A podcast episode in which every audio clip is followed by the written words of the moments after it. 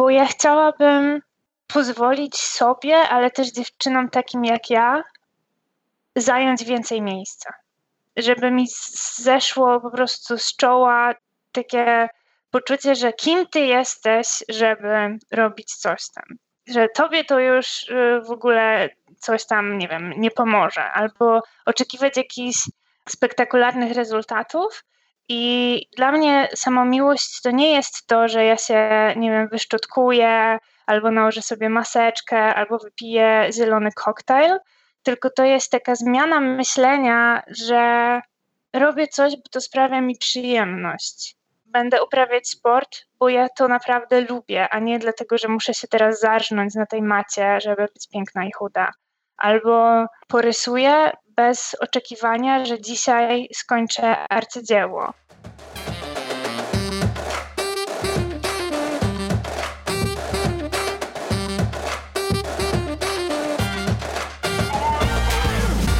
Cześć, tu Ania. Zapraszam do Pracowni Dziewczyn. Pracownia Dziewczyn to cotygodniowe rozmowy z dziewczynami i kobietami na temat edukacji. Edukacji tej szkolnej, czasem akademickiej, a już na pewno tej życiowej. Dokąd miała zaprowadzić, a dokąd zaprowadziła. O wyborach, o porażkach, o pracy kobiet, z kobietami i nad sobą. Cześć słuchaczko i słuchaczu. Witaj w nowym sezonie Pracowni Dziewczyn. Trzeci sezon podcastu rozpoczynam wirtualną wycieczką do Neukölln, jednej z najbardziej hip, popularnej wśród artystów dzielnicy Berlina. To właśnie tutaj, na jednej z uliczek między nieczynnym dzisiaj lotniskiem Tempelhof, a kanałami rzeki Szprewy, mieści się pracownia artystki i ilustratorki Izy Bułeczki. Na Izę i jej twórczość trafiłam zupełnie przez przypadek, dzięki reklamie na Instagramie, w której to Iza przedstawiała siebie i swoje plakaty z geometrycznymi nagimi kobietami. Kobietami o różnych kształtach, rozmiarach, z najróżniejszymi włosami czy kolorem skóry. Jak sama mówi, jej sztuka bawi, angażuje i inspiruje, a wiele jej ilustracji promuje pozytywne nastawienie do ciała, feminizmu i siłę kobiet, bez względu na rozmiar ciała, w którym ta siła drzemie. To właśnie kobiety są dla Izy największą inspiracją. To kim są, jakie są, to jaką jest ona sama, czy pewne cechy kobiet niejednokrotnie uznawane za ich wady. Jakie cechy ma na myśli, postaram się o nie podpytać. Jako artystka z ponad 10-letnim doświadczeniem pracowała jako projektantka kostiumów, lalkarka, projektantka mody czy graficzka. No ale była też drwalką, o którym to rozdziale w jej życiu bardzo chcę usłyszeć. Zdradza, że przez jej pracę mieszkała w pałacu i w więzieniu. Z wielką otwartością, autentycznością i dystansem do siebie daje się poznać w relacjach na swoim instagramowym profilu, rysując, malując czy tańcząc, całą sobą, jakby nikt nie patrzył. Potrafi zrobić szpagat, mówi, że podczas swoich berlińskich spacerów milknie, gdy tylko widzi uroczego psa, więc w zasadzie bardzo się cieszę, że naszej rozmowie po mojej stronie ani po Izy stronie nie towarzyszy żaden czworonożny przyjaciel, bo daje to nam szansę, że Iza poopowiada mi trochę o sobie. A tak w ogóle, to przygotowując się do naszego dzisiejszego spotkania, odkryłam, że dwa dni temu Iza obchodziła urodziny, a ja mam ogromny sentyment do osób urodzonych 27 kwietnia. Uważam, że to bardzo dobry znak zwiastujący fantastyczną rozmowę i nikt mi nie wmówi, że jest inaczej. Iza Bułeczka. Izo, witaj w Pracowni Dziewczyn. Dzień dobry. Sponsowiałam na, na samym wejściu. Bardzo mi miło. Czy wszystko się zgadza w przedstawieniu ciebie? Tak, zgadza. Jest jedna rzecz, którą doprecyzujemy, ale to, to w trakcie po kolei będziemy ściągać skórkę po skórce. Dobrze. I wszystko stanie się jasne. Dobrze. Aż tu, widzisz, jestem teraz ciekawa, gdzie tu było jakieś e, niedociągnięcie z mojej strony. Nie, nie, nie, absolutnie nie było niedociągnięcie. To jest historia, którą, którą opowiem później, także spokojnie. Dobrze, to ja na to liczę. Zaprosiłam Cię do podcastu, który się nazywa Pracownia Dziewczyn. I tutaj często rozmawiamy o tym, jak dziewczyny pracują, gdzie pracują, w jakich przestrzeniach pracują. E, niestety, ze względu na pandemię, cały czas nam panującą, nie spotykamy się twarzą w twarz dzisiaj i jesteśmy w takim bardzo radiowym, w radiowej rzeczywistości. Czy mogłabyś nam pokrótce opowiedzieć o swojej pracowni, tak żebym i ja, i żeby osoby słuchające nas, słuchaczki, e, mogły sobie troszeczkę wyobrazić, jak wygląda ta przestrzeń, w której ty oddajesz się swojej twórczej pracy? Żeby dotrzeć do mojej pracowni, trzeba wejść do niewielkiej kawiarni, gdzie w tym momencie na, na wejściu są bukiety suszonych kwiatów i ceramika, i, i światło wpada przez okno i jest naprawdę przepięknie. Następnie trzeba przejść przez korytarz, który jest pokryty tapetą w lemurę. E, które e, absolutnie uwielbiamy. I na samym końcu tej kawiarni i tego korytarza z lemurami jest nasza pracownia, nasza, ponieważ e, pracuje ze mną jeszcze jedna artystka, malarka. I to jest trochę surowe wnętrze, gdzie mamy regały. Mamy regały na płótna, na farby, na opakowania do wysyłki, w moim pokoju stoją dwa stoły. Jeden jest tak zwany czysty, drugi jest brudny, gdzie jest miejsce na wyżywanie się farbami i kredkami i co mi jeszcze wpadnie w ręce. Wiszą porozklejane prace, ale też na przykład notatki, kalendarz, motywujące wpisy, na które w tej przestrzeni mogę sobie pozwolić i generalnie jest bałagan. Potrzebujesz takiego artystycznego nieładu? Potrzebuję rzeczy, które tu są, natomiast ja nad nimi, o Jezus, ja nie chcę powiedzieć, że ja nad nimi nie panuję, ale doszłam do wniosku, że nawet jeżeli posprzątam i wezmę się za robienie czegoś, jeżeli ja tylko używałam farb akwarelowych, to i tak jest pół pracowni no, zarąbane po prostu, bo jeszcze mi się przypomni, że byłoby super zrobić zdjęcia, więc wyciągam statywę, wyciągam jakąś lampę, żeby się doświetlić. Jak już, jak już wchodzę w coś, to, to na maksa, więc tak jak mówię, rośnie, rośnie bałagan dookoła. Nie potrzebuję, ale powiedzmy, że tak się dzieje po prostu. Okej. Okay. Może wszystko tak pod ręką jest, widzisz, nie musisz szukać tak, tego. Bo ja, ja wiem, gdzie to jest, tyle tylko, że, że no właśnie, jestem jak tornado, jak już się zabiorę do pracy. Uuu, a powiedz mi, co jest Tobie potrzebne, jeżeli chodzi o takie wywoływanie emocji? Jak Ty pracujesz, czy zbierasz się do swojej pracy? Czy jaka ta przestrzeń musi być, żeby być może wspierać w takim um, artystycznym procesie? Jeżeli chodzi o samą przestrzeń, to, to musi być przestrzeń. I ja muszę mieć poczucie, że, że to jest jakiś taki mój skrawek miejsca, gdzie mogę sobie właśnie naśmiecić, pobrudzić i nie muszę tego robić w pośpiechu jak szukałam pracowni w tamtym roku, to odwiedziłam przepiękną przestrzeń, na którą się nie zdecydowałam i zastanawiam się teraz, dlaczego tutaj tak, a tam nie. Myślę, że też dlatego, że tamta przestrzeń była tak piękna i tak wspaniale zaprojektowana, że byłoby to trochę onieśmielające, bo jak coś się robi, to się robi błędy i nie wszystko wychodzi pięknie i wspaniale i myślę, że miałabym z tyłu głowy, robiąc błąd za błędem, że może ja tu nie pasuję. Nie wiem, tak, tak mi się wydaje. Wybrałam miejsce, które wydawało mi się bardziej przytulne, bardziej też intymne, bo dzielę tą pracownię tylko z, z jedną osobą i czuję po prostu, że jest moje i mogę robić tutaj co chcę. Więc, e, więc to jest gigantyczny plus. Jasne. A co to znaczy popełniać błędy właśnie w tym kontekście mm, tworzenia? To znaczy to jest. Hmm. Bo tak się zastanawiam, staram się troszeczkę wejść w Twoje buty, czy nie wiem, narysowałabyś kreskę inaczej, która zaburzyłaby perspektywę, czy jakby, co nazywasz tutaj błędem, że faktycznie taka piękna przestrzeń, wzniosła przestrzeń, ona by cię rozpraszała? Myślę, że tam, tam było też wiele innych czynników. Natomiast jeśli chodzi o samo to, że, że ta pracownia była taka piękna i w porównaniu z błędami, bo Niech mi się przypomni to powiedzenie, trzeba będzie to sprawdzić chyba, ale jest coś takiego, że uczeń próbował tyle razy, ile mistrz popełnił błędów, coś takiego. To powiedzenie sugeruje, że żeby być w czymś bardzo dobrym, to musisz na początku no, natrzaskać kupę gniotów. I jeszcze po drodze będą ci się zdarzały, zwłaszcza, zwłaszcza w czymś, no nie wiem, we wszystkim we wszystkim, czy w języku, czy pewnie w jakichś tam innych rzeczach, czy czym bardziej w sztuce jesteś w stanie siedzieć cały wieczór i naprojektować, nie wiem, 50 stron szkiców.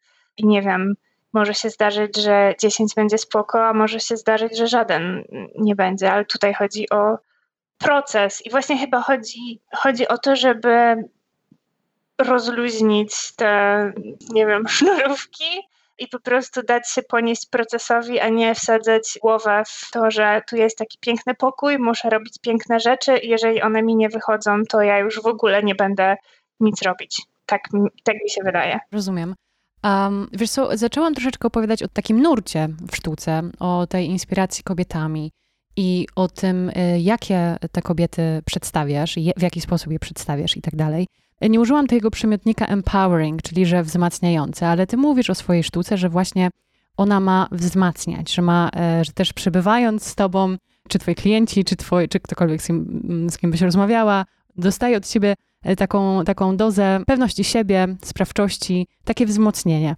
I teraz e, ja już to zaczynam czuć, więc spokojnie, to już możemy odfajkować. Ale czy ta sztuka twoja ciebie też wzmacnia? Ja miałam w rysowaniu przerwę i w pewnym momencie wzięłam ołówek do ręki po raz kolejny. I to był taki moment, kiedy ja się zachłysnęłam ilustracją i miałam wrażenie, że Jezu, to jest to, to jest w końcu to, co ja chcę robić. I przeglądając pracę innych ilustratorów, zaczęłam rysować sama i jakoś tak najbardziej mnie pociągały postaci. I gdzieś miałam poczucie, że chcę rysować sama siebie i chcę rysować własne samopoczucie. I mam wrażenie, że to wiąże się z tym, że może nie, nie do końca. Nie wiem, po prostu miała, chciałam, chciałam rysować to, jak ja się widzę w tym momencie. I te prace w ogóle nie były wzmacniające. To były postaci z pękniętymi głowami albo powyginane w jakieś dziwne kształty i często były po prostu przerażające i, i, i smutne i tak dalej. Czyli to była taka Ale... część autoterapii, byś powiedziała? Tak, zdecydowanie. I jakoś w pewnym momencie zdecydowałam, że chcę użyć to jak właśnie w drugą stronę, jako projekcję, że narysować kogoś, kto jest z siebie zadowolony albo kto jest ze sobą pogodzony. Pierwszą pracą tego, z tej serii jest Meditating Girl, czyli dziewczyna, która siedzi jakby w kwiecie lotosu, powiedzmy, jedną ręką wykonuje znak pokoju, a drugą e, trzyma się za sutek i ma taki wystający brzuszek po prostu. I to zrobiłam na, na wystawę o pokoju. I dla mnie to reprezentowało taki pokój zawarty z samą sobą. No i od tej, od tej pory się zaczęło, że zaczęłam gdzieś szukać tych treści, które są bardziej pozytywne, że jest większa, mm, większa pewność siebie, jakaś przebojowość, jakieś poczucie więzi z innymi ludźmi. Słyszałam też takie coś, że artysta tworzy to, czego nie dostał. Ja słyszałam to po angielsku, gdzie brzmiało to lepiej, tak sądzę, niż moje wolne tłumaczenie. Ale mam wrażenie, że to jest trochę właśnie takie projekcje, że coś, czego sama bym dla siebie chciała, i to jest wiesz, jak ćwiczenie przed lustrem, tak? E, nie wiem, tak. czy to jest na warsztatach pewności siebie, że musisz stanąć w pozie, takie, dokładnie, tak. mm. w pozie jakiejś tam z rękami na biodrach i, i wtedy czujesz się bardziej pewna siebie i zaczęłam tego używać. Czyli stawałaś przed lustrem też i sobie mówiłaś, że. Nie, nie. nie, ale starałam się przelewać te, te pozytywne mhm. emocje, analizowanie tych płuz i jakie kolory temu towarzyszą, i analizowanie jak ja czuję na przykład pewność siebie, czy jak ja czuję siostrzeństwo, czy bycie w grupie z innymi ludźmi. I zaczęłam to rysować. I chyba niczego nie oczekiwałam. Takie jest moje wrażenie, że ktoś mnie poprosił, żebym narysowała ilustrację na plakat na konferencję, gdzie stworzyłam właśnie te trzy, trzy dziewczyny, gdzie jedna unosi rękę do góry, ta środkowa ma ręce oparte na biodrach. I po tym spłynęła na mnie fala pozytywnego feedbacku, że to jest właśnie to, czego kobiety chcą, że one poczuły się totalnie wzmocnione, że jak one te ilustracje zobaczyły, to na przykład przeprowadziły jakieś ważne rozmowy w swoich związkach i, i tak dalej. Wiem też od klientów, że na przykład wieszają te prace w pokoju swoich małych dzieci. I są też, są też klientki, które kupują ilustracje dla przyjaciółek czy sióstr, które na przykład mają, przechodzą, nie wiem jak, jak, jakiego słowa użyć, że są w, e, w trakcie leczenia raka piersi, bo gdzieś w tych geometrycznych formach się dopatrują, że oto ciało nie jest takie perfekcyjne i to możesz też być ty. I przez ten język ciała, przez to jak wygląda ta ilustracja, po prostu czują, że to jest taki, taki talizman na dodanie odwagi. I to jest coś, czego ja się, ja się nie spodziewałam, bo, bo to jest coś osobistego, co przeżywam na przestrzeni swojego biurka.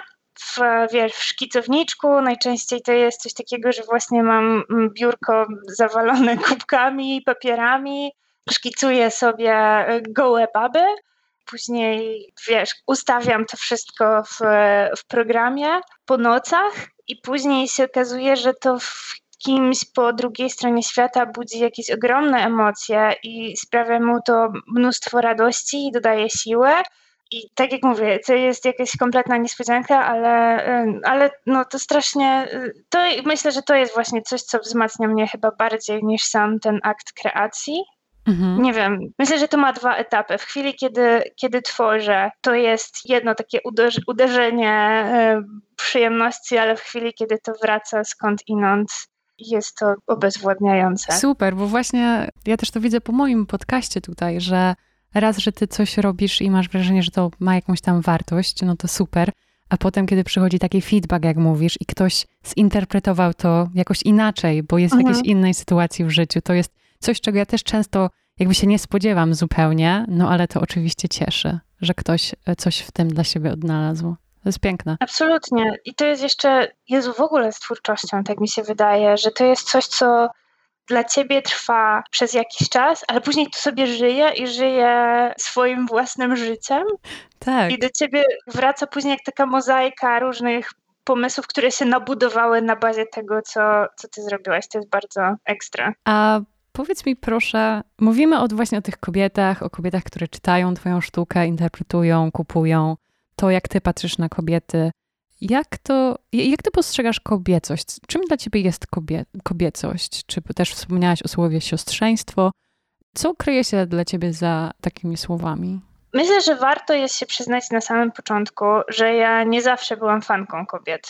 I myślę, że wiele z nas gdzieś ma takie poczucie, że no kobiety to są jakieś takie słabsze, głupsze, płaczliwe, mniej zabawne, nie wiem, może to zależy od tego, gdzie ktoś się wychował, ale mam wrażenie, że, że ogólnie jest bardzo takie patriarchalne podejście. No i też, że kobiety, no to jak, jak ty się ubrałaś, przecież miałaś być ładnie ubrana. Tak, komunikaty jakieś... społeczne różne. Dokładnie, mhm. niemożliwe do wykonania rzeczy dotyczące ciała, relacji, utrzymywania porządku w domu i tak dalej. I to jest jakieś, jakieś ogromne jarzmo. I mam wrażenie, przynajmniej, nie wiem, może ja nie miałam do końca szczęścia, ale miałam też takie poczucie, że jestem jedyną dziewczyną, która ma jakiś problem. Nie wiem, jestem jedyną dziewczyną, która ma rozstępy, albo jestem jedyną dziewczyną, która ma burdel w domu, albo... Czyli rozumiem, że... Przerwę ci na chwilę. Rozumiem, że dostawałaś komunikaty wokół, że wszyscy inni są perfekcyjni. No że jakoś, jakby... jakoś tak to, to dla mnie wyglądało po prostu, że jakbym była jedyną dziewczyną, która po prostu gdzieś sobie nie daje rady. O rany. I kiedy przyjechałam do Berlina, to po pewnym czasie trafiłam do czegoś takiego, co nazywało się jakby grupa wsparcia dla kreatywnych kobiet. I to było takie miejsce, gdzie my się spotykałyśmy raz w tygodniu i rozmawiałyśmy o tym na przykład, w czym czujemy się dobre, albo jakie są nasze marzenia, Mówiliśmy też bardzo często o rzeczach, które były bardzo przykre, ale to był taki pierwszy moment, kiedy ktoś mnie zapytał, w czym ja się w ogóle czuję dobra i co ja bym chciała robić w życiu. A nie takie, wiesz, że co się będzie opłacało, jaka jest najlepsza, dobra decyzja.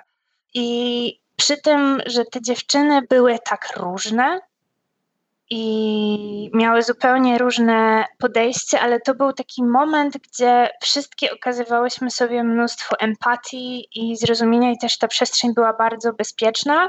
Czułyśmy się bardzo takie zaopiekowane, tak czuję, przez obecność innych dziewczyn. I później zaczęłam odkrywać, że są takie jakby dziewczyńskie grupy na Facebooku, na przykład, gdzie są bardzo otwarte rozmowy na różne tematy, czy jest bardzo dużo dziewczyńskich spotkań nie wiem, czy to związane właśnie ze sztuką, ale też z finansami, z nie wiem, gdziekolwiek. I właśnie kobiety w moim odczuciu, w tych grupach, kręgach, na tych meetupach mają tendencję do bycia bardzo otwarte, wspierające i to jest strasznie przyjemne uczucie, bo jesteś w stanie powiedzieć otwarcie, że czegoś nie wiesz, nie próbowałaś i nie spotkasz się z jakimś takim wyśmianiem. Ja mam wrażenie, że że bardzo często, kiedy to towarzystwo jest mieszane, jest jakiś taki pierwiastek zawstydzenia, jeżeli czegoś nie wiesz albo nie próbowałaś. Takie jest moje odczucie. Ocena jakaś. Dokładnie. I to są jakby. Ja nie lubię generalizować, że wszystkie kobiety są rewelacyjne, a wszyscy mężczyźni są bez sensu. To absolutnie wiesz, dotyczy jednostek, z którymi się obracamy, pewnie też kontekstu, w jakim się tak, tak. znajdujemy, ale mam wrażenie, że to otworzyło mi oczy, że przebywanie z kobietami może być tak karmiącym odczuciem, że one potrafią być bardzo wspierające. Ja nie wiem, może to mi się po prostu uroiło w głowie, że każdy mnie ocenia, że każdy na mnie patrzy i widzi, nie wiem, nie to, co ja chcę pokazać. Te doświadczenia totalnie to zdarły i miałam takie poczucie, że możemy sobie dać bardzo dużo i że wspólnie możemy zbudować coś bardzo fajnego. I przebywanie z kobietami nie dość, że daje taki rodzaj zrozumienia i wsparcia i poczucia przynależności, to pozwala też eksplorować siebie. Słyszałam w podcaście Marty Niedźwieckiej o zmierzchu, że dziewczęta mają taki, taki etap, kiedy w ogóle nie chcą być dziewczętami, bo właśnie bycie dziewczyną jest głupie, bo dziewczyny są słabe i płaczliwe i, i coś tam jeszcze, i że dziewczyny nie chcą być dziewczynami. I mam wrażenie, że może niekoniecznie to, to wyglądało w ten sposób, ale na pewno była jakaś taka negacja pewnych części tego, kim jestem, i przebywanie wśród dziewczyn i kobiet pozwoliło mi się otworzyć na to i eksplorować. A ile ty miałaś lat, jak trafiłaś do takiego wyrozumiałego kręgu kobiet w tym Berlinie? Bo już rozumiem, że to już dorosłeś, prawda? Tak, już byłam dorosła. To było jakieś 6 lat temu. I to było, mówisz, że to był taki pierwszy moment, kiedy ty widziałaś, że, że jest wyrozumiałość i że jest wsparcie i że, że nie ma ocen. Tak. Wspomniałaś przed chwilą, że właśnie po raz pierwszy zadawano ci pytanie, w czym jesteś dobra, czy o czym marzysz, czego ty chcesz, a nie co się opłaca. I chciałabym cię zapytać o takie komunikaty z domu, jak ty byłaś małą dziewczynką, czy nawet może nie małą dziewczynką, nie tylko, ale też, nie wiem, jak wybierałaś sobie studia albo zainteresowania swoje, to czy ty tam na przykład w domu słyszałaś, czy wśród ym, rodziny, czy jakichś takich osób bliskich e, twojej rodzinie, że na przykład dane zawody opłaca się robić, albo takie zainteresowania są nie wiem, życiowe, albo nie wiem, że zajmowanie się sztuką to nie jest przyszłościowe, albo coś takiego? Ja myślę, że musimy tutaj zilustrować to pytanie, ponieważ ja dorastałam w małym miasteczku w Polsce i jak ja byłam dzieckiem, to były lata 90. I moja rodzina nie była jakoś specjalnie zainteresowana sztuką. Z jednej strony moi rodzice nigdy nie powiedzieli mi, żebym czymś się nie interesowała czy czegoś nie robiła, wręcz przeciwnie. Jak mówiłam, że chcę grać na kolejnym instrumencie, uczyć się kolejnego języka, czy jeździć na, nie wiem, konie, czy śpiewanie, czy rysowanie, to nie było absolutnie żadnego problemu z tym. Łącznie z tym, że, że na wszystkie okazje, kiedy można było, to właśnie dostawałam przybory do rysowania i połowie rodziny wymalowałam wazony i, i tego typu rzeczy. Jeszcze to jest bardzo ważne, że miałam ciocię, bohaterkę, która, e, która potrafiła wykręcić jakieś szalone kostiumy z bibuły i kartonu i, i to mnie totalnie fascynowało. Natomiast ja nie miałam, myślę, że nikt z nas nie miał takiego takiego przykładu, że jest jakiś, wiesz, wspaniały artysta, który odniósł sukces, jeszcze żyje i, i ma no tak. pieniądze. Bo jakby tak. w takiej popularnej świadomości artysta to po prostu zmarł na gruźlicę z biedy na jakimś strychu. Tak, i zaczął być tak, sławny, po śmierci. po śmierci. Tak. Dokładnie. No to który rodzic chciałby takiego losu dla własnego dziecka? Więc tutaj w chwili, kiedy byłam trochę zagubiona z tym, co ja chcę robić w życiu, to zwłaszcza mój tata miał, miał pomysł z cyklu tych opłacalnych.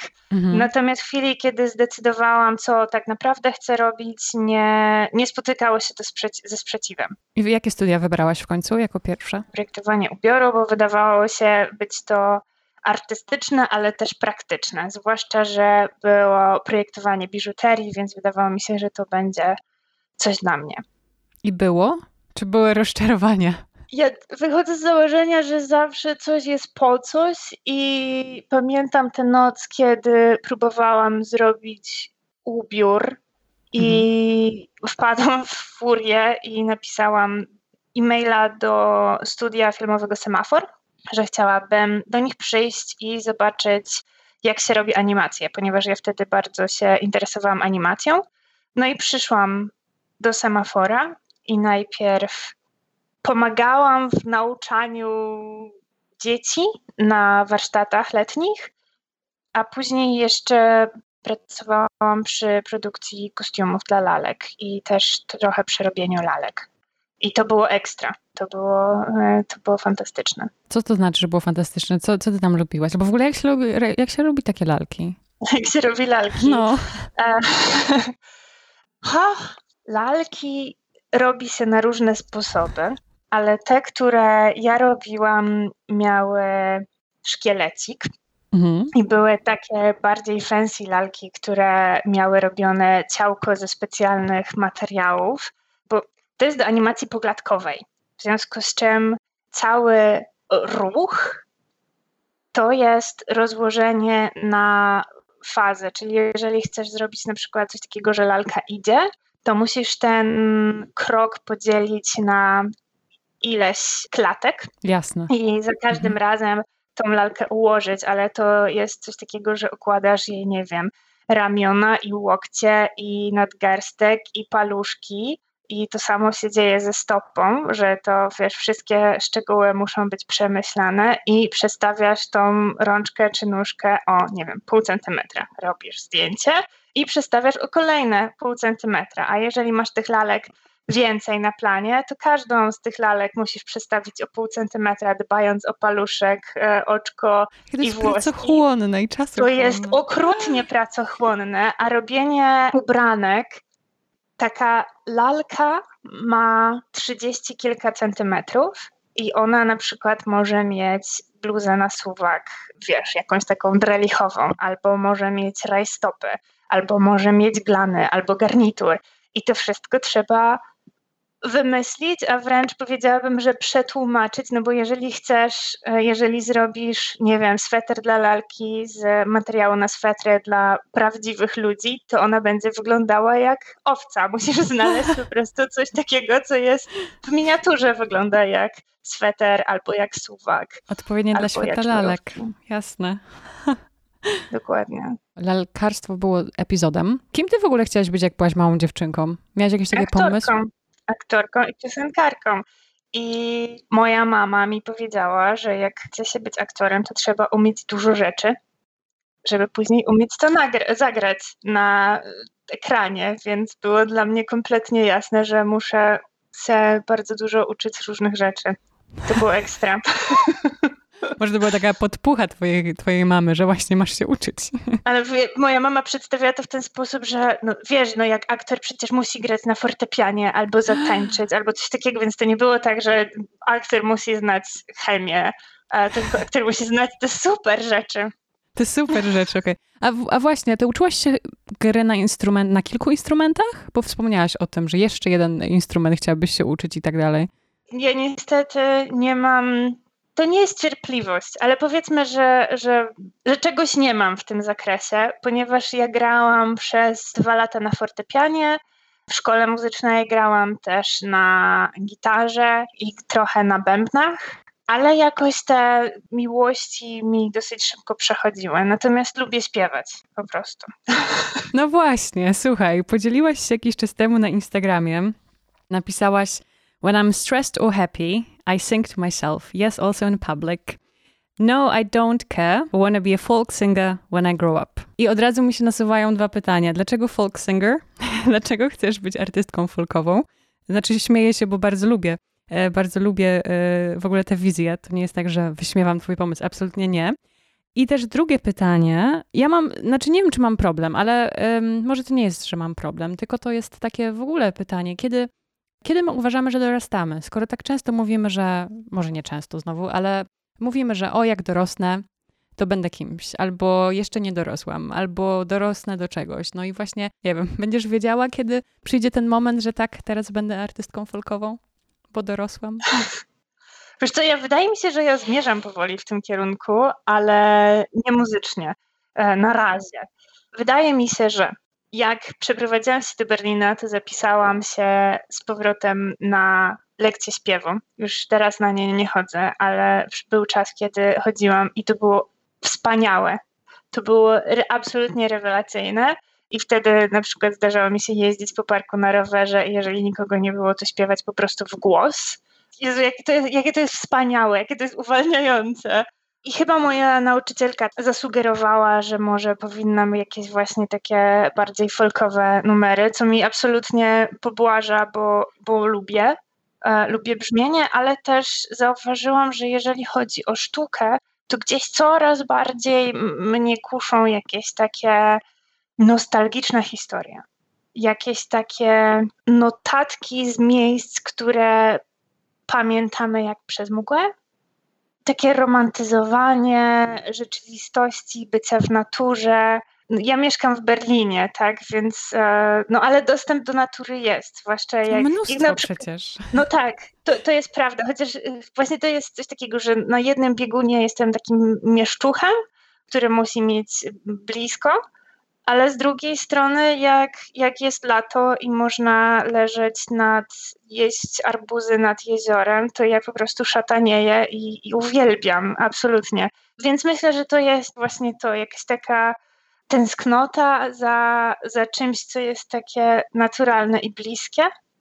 Tak mi się wydaje. I to gdzieś się właśnie na przykład teraz jestem w amoku rysowania ptaszków, kwiatków, więc myślę, że ten, ten folk już przyszedł, a na śpiewanie, a, a śpiewaniu wam nie powiem, jak jest strony głosowe.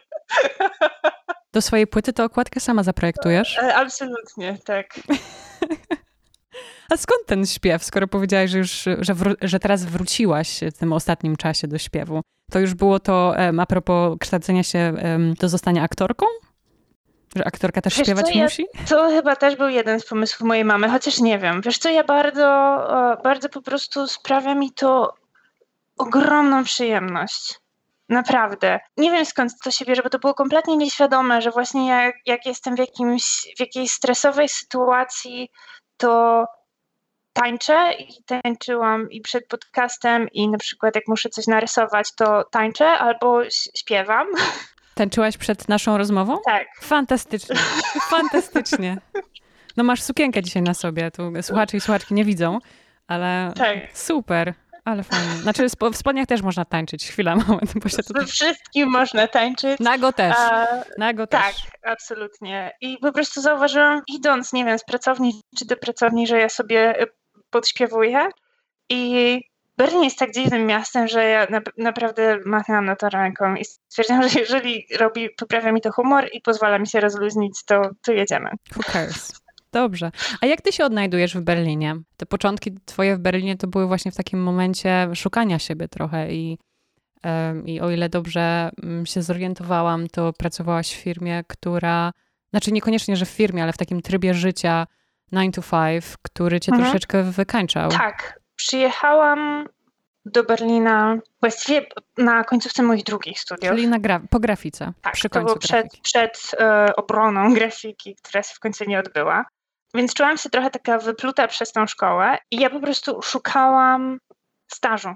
Wcale się nie, nie nakręcałam na Berlin, wręcz, wręcz przeciwnie, chciałam pojechać w jakieś miejsce, może nie, że mniej znane, ale jakieś takie, nie wiem, mniej popularne, ale propozycja z Berlina była, była dokładnie taka, która się wpisywała w moje założenia. Więc zapakowałam czerwoną walizkę i przyjechałam do Berlina autobusem. No i najpierw właśnie pracowałam na stażu, później dostałam kontrakt na pełen etat, gdzie pracowałam jako graficzka i to nie była kreatywna praca, tak jak sobie wyobrażałam, że, że może być. Czyli myślisz, że tak dzisiaj z perspektywy, że um, czujesz, że jesteś sama sobie, sama sobie sterem, okrętem i um, żeglarką, żeglarką i, i że dobrze być na swoim, że na przykład taki tryb pracowania dla kogoś ci też nie odpowiadał, e, czy na przykład miałaś taki nie wiem, czy na przykład czułaś, że uciekasz od czegoś, co może tam jest, jest twoje, ty jeszcze trochę nie wiesz i trzeba by to odkryć, albo nie wiem, czy wykańczał cię taki tryb właśnie pełen etat, dziewiąta, piąta i deadline? Ja myślę, że to trzeba, to pytanie trzeba podzielić na części.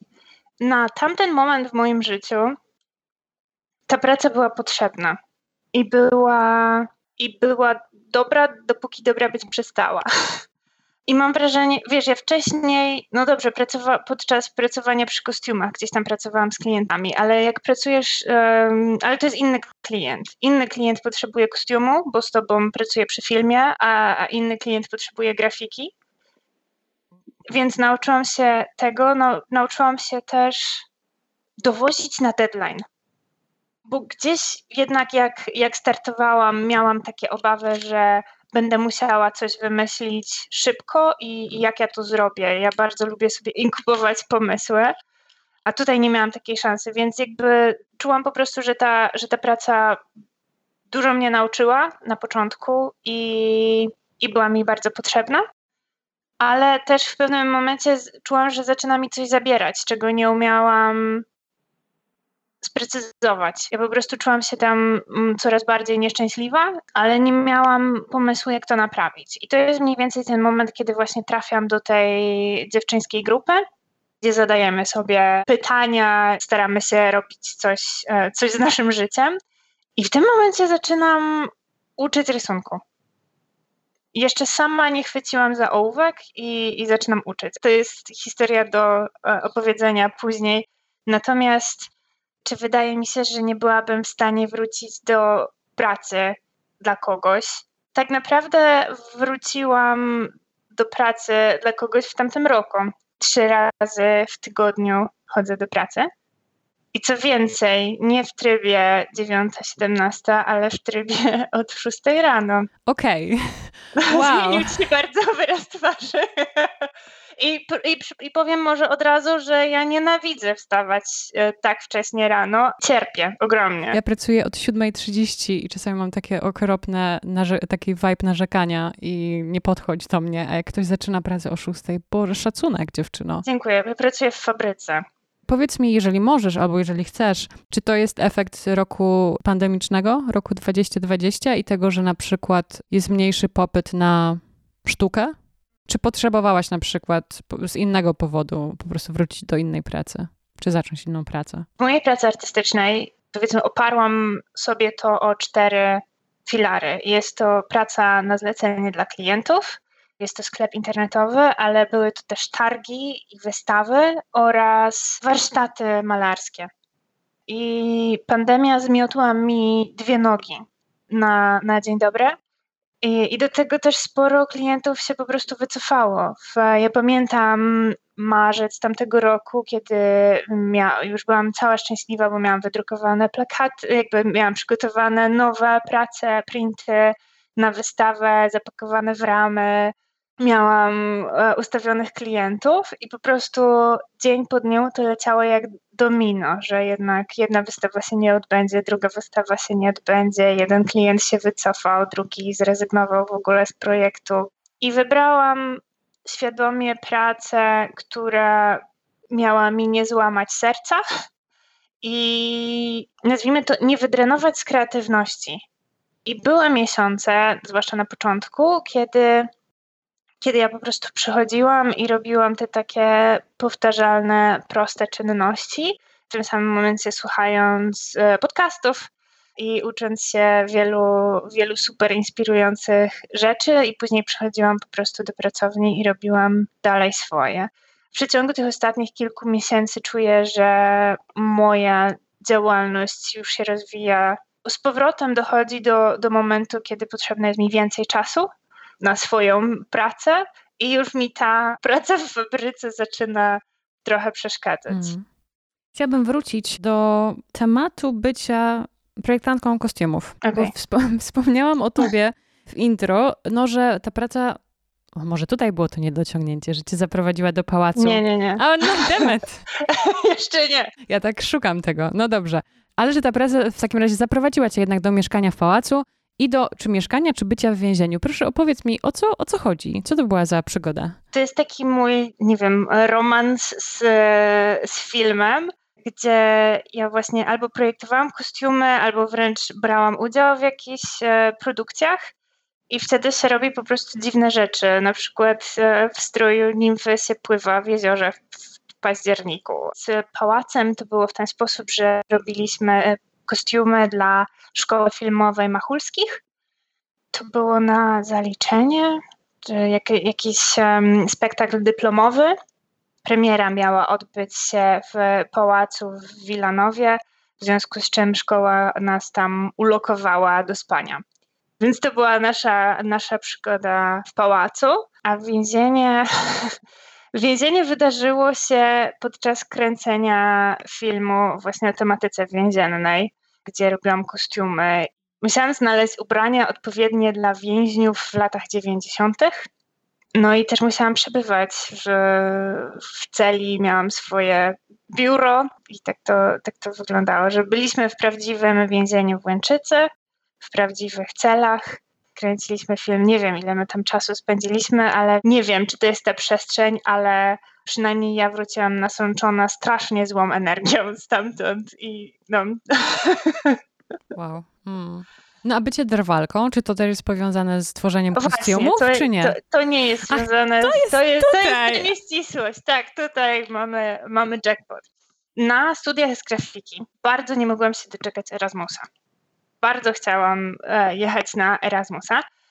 I jakoś tak, nie wiem, nasi koordynatorzy Erasmusowi mm, no, się ewidentnie nie popisywali. I aplikowałam do szkoły artystycznej w Dublinie, ale coś poszło, poszło nie w porządku i wylądowałam w szkole, nie wiem, szkole sztuk użytkowych w Saksonii to był taki moment, kiedy ja po iluś latach nieużywania niemieckiego, zupełnie przypadkiem, pół roku przed tym Erasmusem, e, zaczęłam chodzić na kurs niemieckiego, więc sobie tak powiedzmy lekko od, odkurzyłam.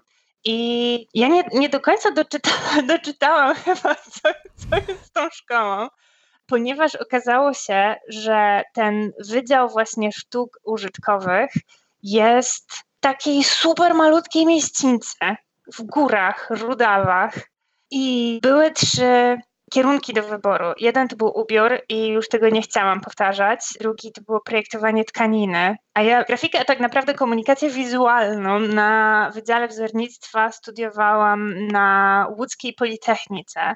Więc my tam mieliśmy po prostu nauki o tekstyliach po dziurki w nosie, więc też już miałam po prostu tych wszystkich szmacianych historii po kokardę i została trzecia opcja i to było projektowanie obiektów drewnianych po niemiecku. Więc to jest jedna, jedna część tej historii. A druga część jest taka, że ja znalazłam sobie mieszkanie w opuszczonej gospodzie w środku lasu na wzgórzu. I ja mieszkałam tam razem z trójką innych studentów i mieliśmy, nie wiem, studołę i ambonę i nasze, i mieliśmy jakiś ogródek warzywny i staw z rybami, ale ten dom był bardzo, bardzo surowy i jak ja się wprowadzałam do mojego pokoju, to tam były tylko betonowe ściany pomalowane na biało i betonowa podłoga pomalowana na szaro i materac oparty o ścianę. I gospodarz mojego domu powiedział, że że ja sobie teraz tutaj mogę zbudować tak, jak mi się będzie podobało. I ja się czułam jak na innej planecie, bo musiałam posługiwać się językiem, który no tak średnio mi siedział, robić stoły i toczyć, wiesz, ozdobne stołowe nogi i budować ramy, czego w życiu nie robiłam z ludźmi, których absolutnie nie znam. Ja miałam tam, no wszystko było tak strasznie, strasznie surowe, nie mieliśmy ciepłej wody, dostałam rower, który nie miał hamulców, a to było w górach. I właśnie pamiętam, któregoś razu znalazłam zaskrońca w łóżku, zbudowałam sobie jakieś, z jakichś tam kawałków drewna, zbudowałam sobie biurko i łóżko, ale za szafkę służyła mi łódź postawiona pionowo, więc, e, więc właśnie tak wyglądał mój drwalski. E, no bo jakby to nie jest drwalski w tym sensie, że ja wychodziłam do lasu gwizdając w koszuli w kratę i machałam e, siekierą, natomiast faktycznie pracowałam wtedy w drewnie, mieszkałam w środku lasu, były to naprawdę takie surowe warunki życia, ale było ekstra. Czyli radzisz sobie w ekstremalnych warunkach. Absolutnie. To jest więzienie, rowery bez hamulców, brak ciepłej wody, nic mi nie jest straszne. Fantastycznie. Widzisz, mówisz, że inna planeta to tylko Saksonia. Super, ale no, świetne to są historie. W ogóle szafa, ja sobie wyobrażam od razu tę szafę z, łódki, z łodzi, która była postawiona, oparta. Tak, super. Nie no, co za, co za w ogóle masz wspomnienia? Jakby z innych żyć w ogóle. Nie wiem, tak. czy też ty tak to widzisz. Tak. Wiesz co, zwłaszcza w tych czasach pandemicznych, kiedy twoje życie wygląda w ten sposób, że budzisz się, przebierasz się w dres, robisz te same rzeczy co, co codziennie i myślisz sobie, że Jezu, kiedyś to pojechałam w jakieś miejsce i zrobiłam coś szalonego i, i pierwsza myśl jest taka, że teraz to już się tak zestarzałam, a później nie, ja po prostu nie mogę wyjść z domu. Powiedziałaś właśnie o tych szalonych rzeczach. Porozmawiajmy chwilę o szaleństwie, bo pewnego dnia na, na swoim profilu na Instagramie otworzyłaś na pytania od e, Twoich obserwatorów. E, też widziałam, że dużo wśród Twoich obserwatorów e, jest osób, które pracują kreatywnie, czy ilustratorów, czy grafików, graficzki i no i oczywiście mnóstwo innych osób, w tym też ja. No i wśród różnych pytań od różnych osób pojawiło się takie pytanie, jak nie zwariować, będąc ilustratorką? I ty to pytanie troszeczkę tak zbyłaś, bo z tego co pamiętam, to powiedziałaś, że to ja bym powiedziała tyle rzeczy, ale na końcu to bym w zasadzie odwróciła się i powiedziała e, albo jednak nie. E, więc e, jak to jest z tym wariowaniem? I co, co, co może, co sprawia w tej pracy? Jaki jest element tej twojej pracy artystki i ilustratorki, który sprawia, że ty faktycznie wariujesz na przykład. Co doprowadza mnie do szaleństwa. Tak, co doprowadza się do szaleństwa. I takie drugie pytanie z tym związane. Czy, znaczy nie chcę tutaj grać na, na stereotypie, jak patrzymy na artystów na przykład, albo jak mhm. w kulturze się mówi o artystach, że to, nie wiem, że to właśnie jakieś tam szalone dusze, że jest troszeczkę tego szaleństwa.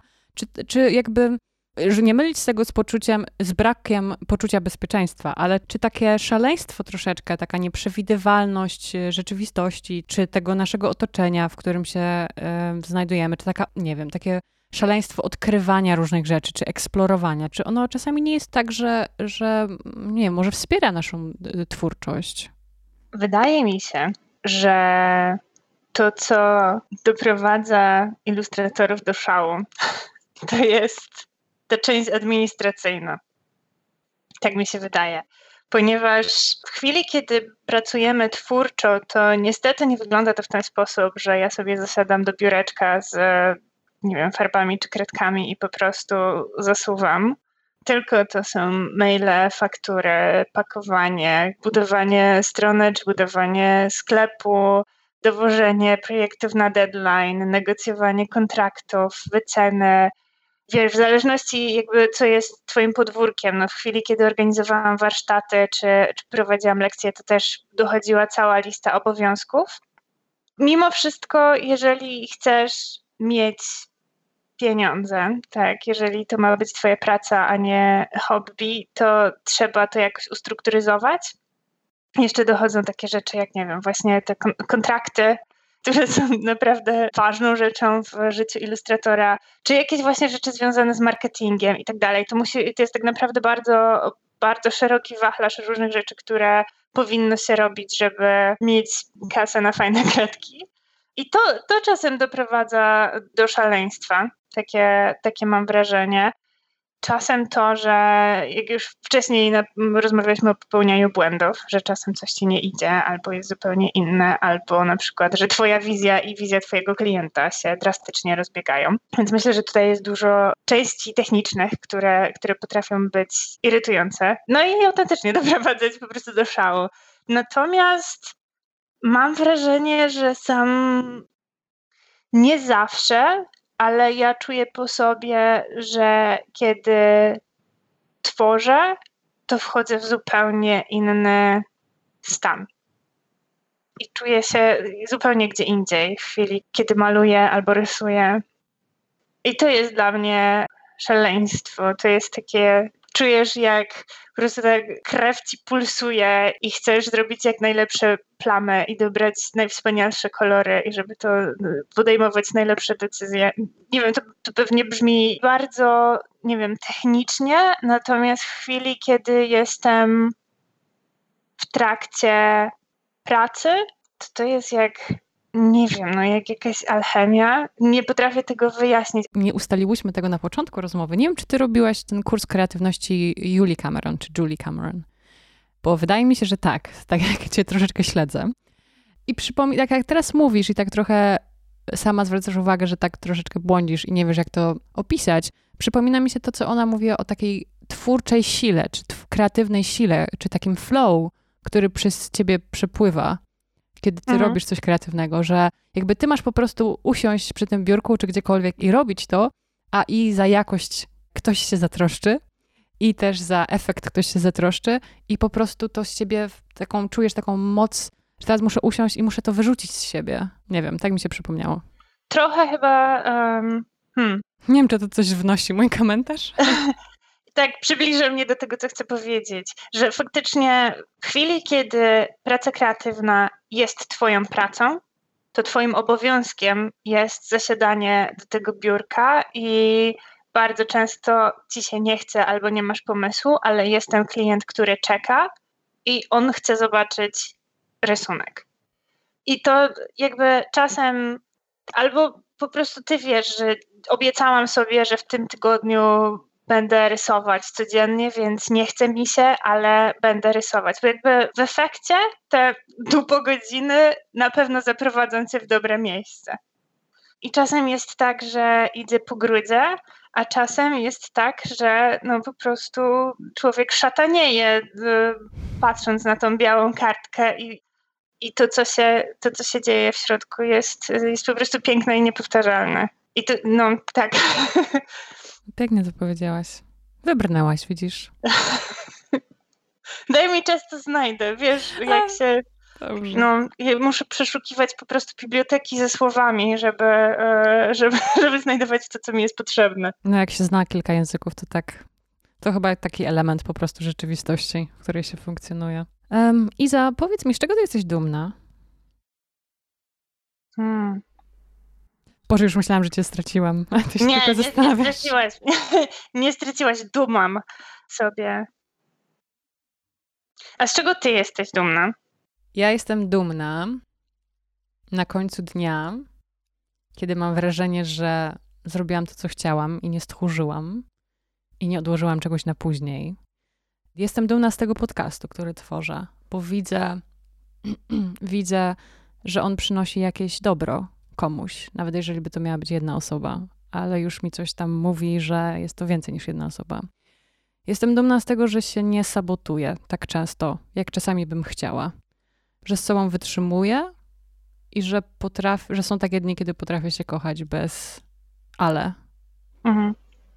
No, ale to są różne rzeczy, bo takie właśnie wiesz, właśnie nawet to, że przygotowałam się fajnie do rozmowy i ta rozmowa jakoś pójdzie, to już też jest duma. To nie musi być coś wielkiego, jak wiesz, Nagroda Nobla, tylko na przykład przeżycie e, dnia w taki sposób, że myślę, że ten dzień, że byłam jakaś lepsza niż wczoraj. Mhm.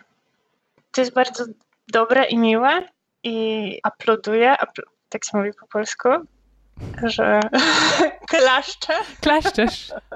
Przy, przyklaskuję temu, e, temu wszystkiemu i myślę, ja chyba jestem dumna z tego, że słucham swojego wewnętrznego kompasu i mam takie poczucie, że jestem w stanie dosyć szybko wychwycić i nazwać stan, w jakim się znajduję, i też w chwili, kiedy jestem w stanie szybko wyłapać, jeżeli coś sprawia, że czuję się, że czuję, że jestem nie w tym miejscu, w którym chciałabym być.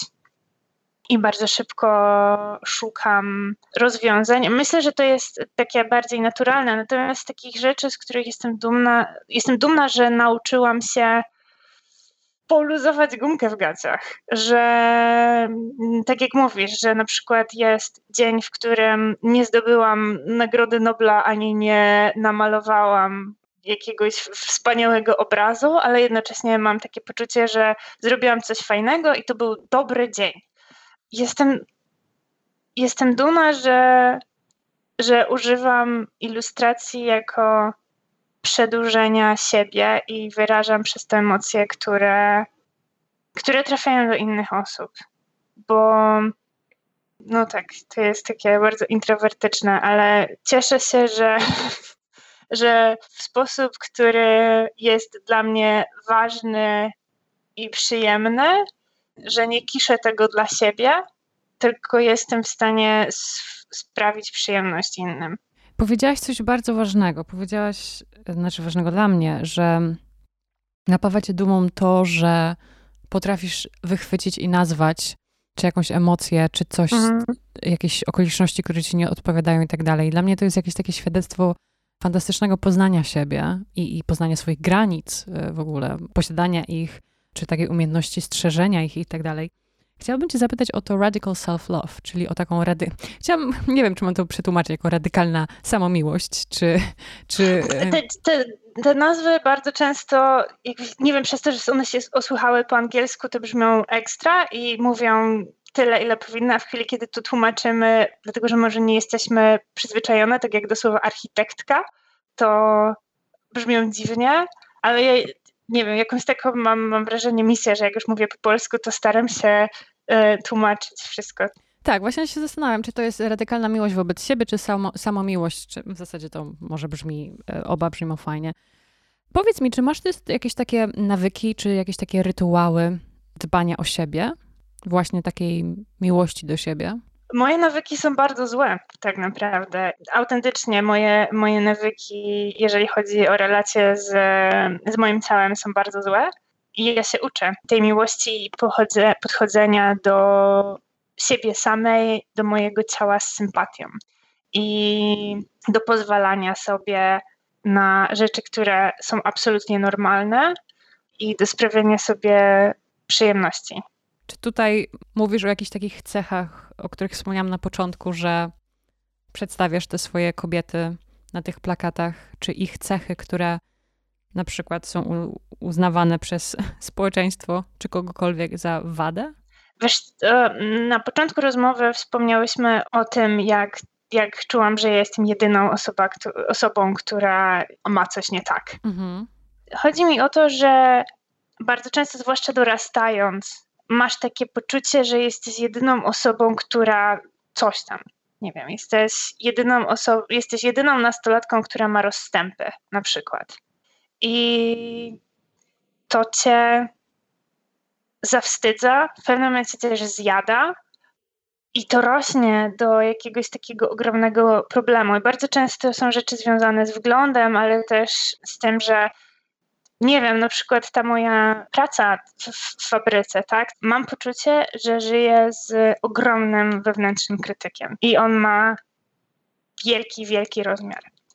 I wpływa mocno na to, jak ja widzę siebie, swoje zachowania, swoje cele, swoją pracę, swój wygląd.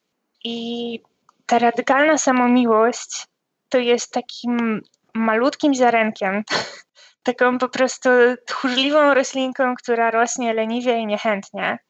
I ja muszę po prostu, wiesz, jak jakiś szaman tańczyć dookoła tej, e, tego nasionka, żeby ono chociaż puściło jakieś kiełki i żeby dało mi odetchnąć. Bo ja chciałabym pozwolić sobie, ale też dziewczynom takim jak ja, zająć więcej miejsca. Żeby mi zeszło po prostu z czoła takie poczucie, że kim ty jesteś, żeby robić coś tam. Że tobie to już y, w ogóle coś tam, nie wiem, nie pomoże, albo oczekiwać jakichś spektakularnych rezultatów. I dla mnie samomiłość to nie jest to, że ja się, nie wiem, wyszczotkuję, albo nałożę sobie maseczkę, albo wypiję zielony koktajl, tylko to jest taka zmiana myślenia, że robię coś, bo to sprawia mi przyjemność będę uprawiać sport, bo ja to naprawdę lubię, a nie dlatego, że muszę się teraz zarżnąć na tej macie, żeby być piękna i chuda. Albo porysuję bez oczekiwania, że dzisiaj skończę arcydzieło, że będę tańczyć, bo sprawia mi to przyjemność, ale nie muszę teraz y, po prostu ganiać się za to, że nie wyglądam jak jedna z, nie wiem, tancerek z tańca z gwiazdami. Tak, więc, więc to jest po prostu ściąganie z siebie takiego ciężaru, że wszystko albo nic, tylko jakieś takie małe, małe kroki, małe nawyki, spojrzenie na siebie po prostu z innej perspektywy, z sympatią i życzliwością. Powiedz mi, Iza, jakby tego wewnętrznego krytyka nie było i bym ci powiedziała, że dojdziesz tam, gdzie chcesz, to co byś ty robiła? Gdzie byś chciała dojść? Jakbym mogła ci powiedzieć, że, że, nie, po, że nie upadniesz, że nie popełnisz błędu, że to się uda, to gdzie ty byś chciała dojść? Chciałabym mieć wielkie studio, mhm. gdzie stoją wielkie obrazy i inne rzeczy, ale, ale głównie, głównie wielkie obrazy. I właśnie część z tych obrazów jest pakowana i jedzie na ważną wystawę. I ja sobie po prostu patrzę, jak to się kręci i jak to żyje że ja mam absolutną wolność tworzenia i nie muszę już wstawać na szóstą rano. I, I mam wszystkie farby, jakie tylko chcę. No i mogę, i mogę malować te, te kobiety w ogromnych rozmiarach. Co, musiałabym kupować bilet do Nowego Jorku, żeby cię oglądać w Momie? Moma jest takim symbolem, jakby teraz sobie myślę, że kiedy y, będę miała coś e, w Moma, to sobie usiądę, skrzyżuję ręce na piersi, zrobię, udało się, a mówili, że nie wiem, coś tam, że artysta to jest taki głupi zawód. Chociaż znając siebie pewnie, e, pewnie dołączę, że no ale ten obraz jest tam niedokończony i coś się przekrzywiło, ale tutaj ściągamy, ściągamy krytyka. Nie, wiesz co, jakby ja zauważyłam też ileś siły daje mi to, że właśnie normalne kobiety do mnie piszą i kupują te prace i, i dają feedback, albo po prostu się dzielą. I to jest coś jakby no, super, jeśli docenia cię krytyk, ale to jest ekstra, jak po prostu Baśka dwie ulice dalej twierdzi, że jesteś morową dziewczyną. No. Jak ja i jak inne dziewczyny i chłopaki, którzy nas słuchają, ja się muszę pilnować, bo jest coraz więcej chłopaków, którzy słuchają pracowni dziewczyn. Jak my Cię możemy wspierać? Jak my Cię możemy wesprzeć w Twojej drodze, w Twojej twórczości, w byciu fantastyczną artystką? Nie wiem, nie wiem. No, możecie mi pomachać na Instagramie, tak sądzę, zwłaszcza teraz w pandemii, kiedy nie możemy się spotykać na żywo.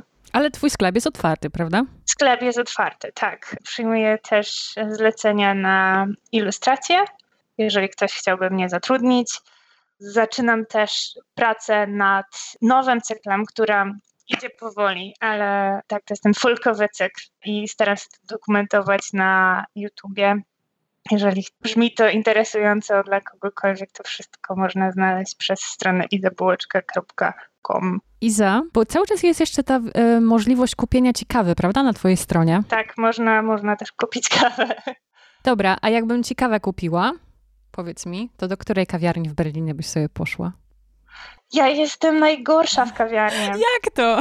Ja, ja, ja naprawdę nie umiem w kawiarni i restauracje, chociaż bardzo lubię dobre jedzenie. No i Köln jest pełen, podejrzewam, pełna dzielnica, prawda? Fantastycznych tak. miejsc. No, moja, moja pracownia jest e, w kawiarni przecież ale e, no, ja nie mam czegoś takiego jak ulubiona kawiarnia. Ja powiem więcej. Któregoś razu e, też była przeprowadzona ze mną rozmowa i proszono mnie o polecenia najfajniejszych miejsc w Berlinie.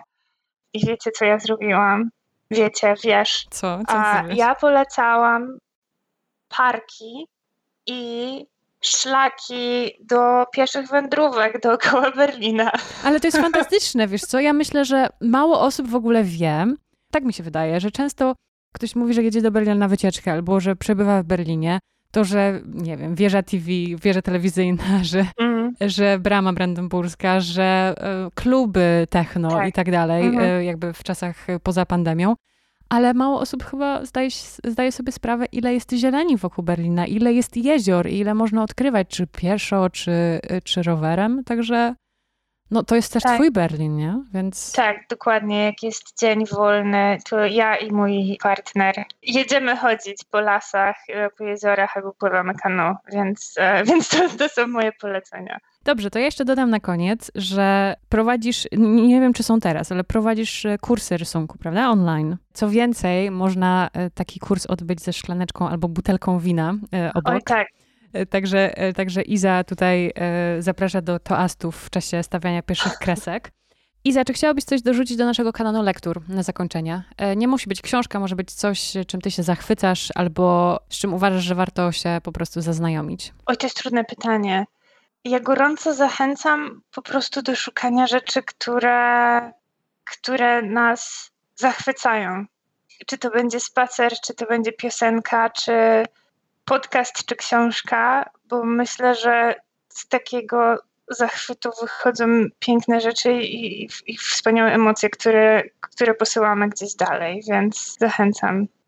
To nie, to nie jest tak, że ja nie czytam, ale, ale po prostu chciałam, chciałam dać taką uniwersalną poradę, bo nie ma nic po prostu lepszego niż oszatanieć na wiosnę, poczuć po prostu muzykę w sercu i zrobić coś fajnego. Więc e, zachęcam szukać, eksplorować do następnego zachwytu.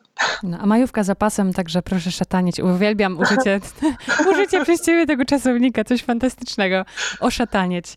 Iza Bułeczka. Iza Bułeczka, która przed rozmową powiedziała, że nie wie, czy jest taka interesująca i że ona jest takim robakiem w dresie. Chociaż dzisiaj siedzi przede mną w pięknej, czy to jest ultramaryna kolor? Wiesz co, to się, ten kolor specjalnie nazywa się Klein Blue. Okej, okay, no to siedzi w takiej sukience, sobie wyobraźcie. I wyszła nam fantastyczna rozmowa. I nawet jakby ktoś powiedział, że a, takie dwa robaki sobie siedzą i rozmawiają, to nic, bo tam było mnóstwo wartości. Dziękuję Ci, Izo, za piękne świadectwa, za przemyślenia i opowieści o Twojej dotychczasowej drodze. I ja mam nadzieję, że jak ta pandemia się już skończy i daję ci trochę czasu oczywiście, to ja wtedy wejdę na Skyscanner i będę kupowała bilety do Nowego Jorku, do Momy, aby obejrzeć tam twoje kobiety. Dziękuję ci serdecznie. Dziękuję. Popłakałyśmy. Znaczy ja się popłakałam, pośmiałam. No takie życie, co nie? To, to chyba było w klanie. Raz, raz jakieś łzy, raz jakieś śmiechy. Nie wiem, jak to było. Biały Siwy włos. Tak, Jezus, tak.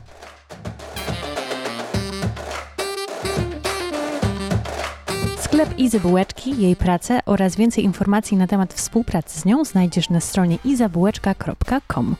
Zapraszam Cię również na profile społecznościowe Izy na Instagramie i Facebooku oraz na jej kanał na YouTubie. Dla ułatwienia wszystkie linki znajdziesz w opisie tego odcinka.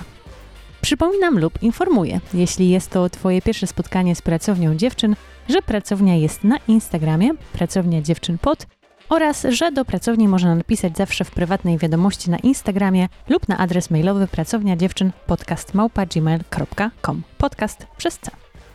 Na dziś w Pracowni Dziewczyn to już wszystko. Jeszcze raz ogromne podziękowania dla Izy, no i dla Ciebie za wysłuchanie tej rozmowy. Trzeci sezon Pracowni? Zróbmy to. Do usłyszenia w kolejny czwartek. Cześć!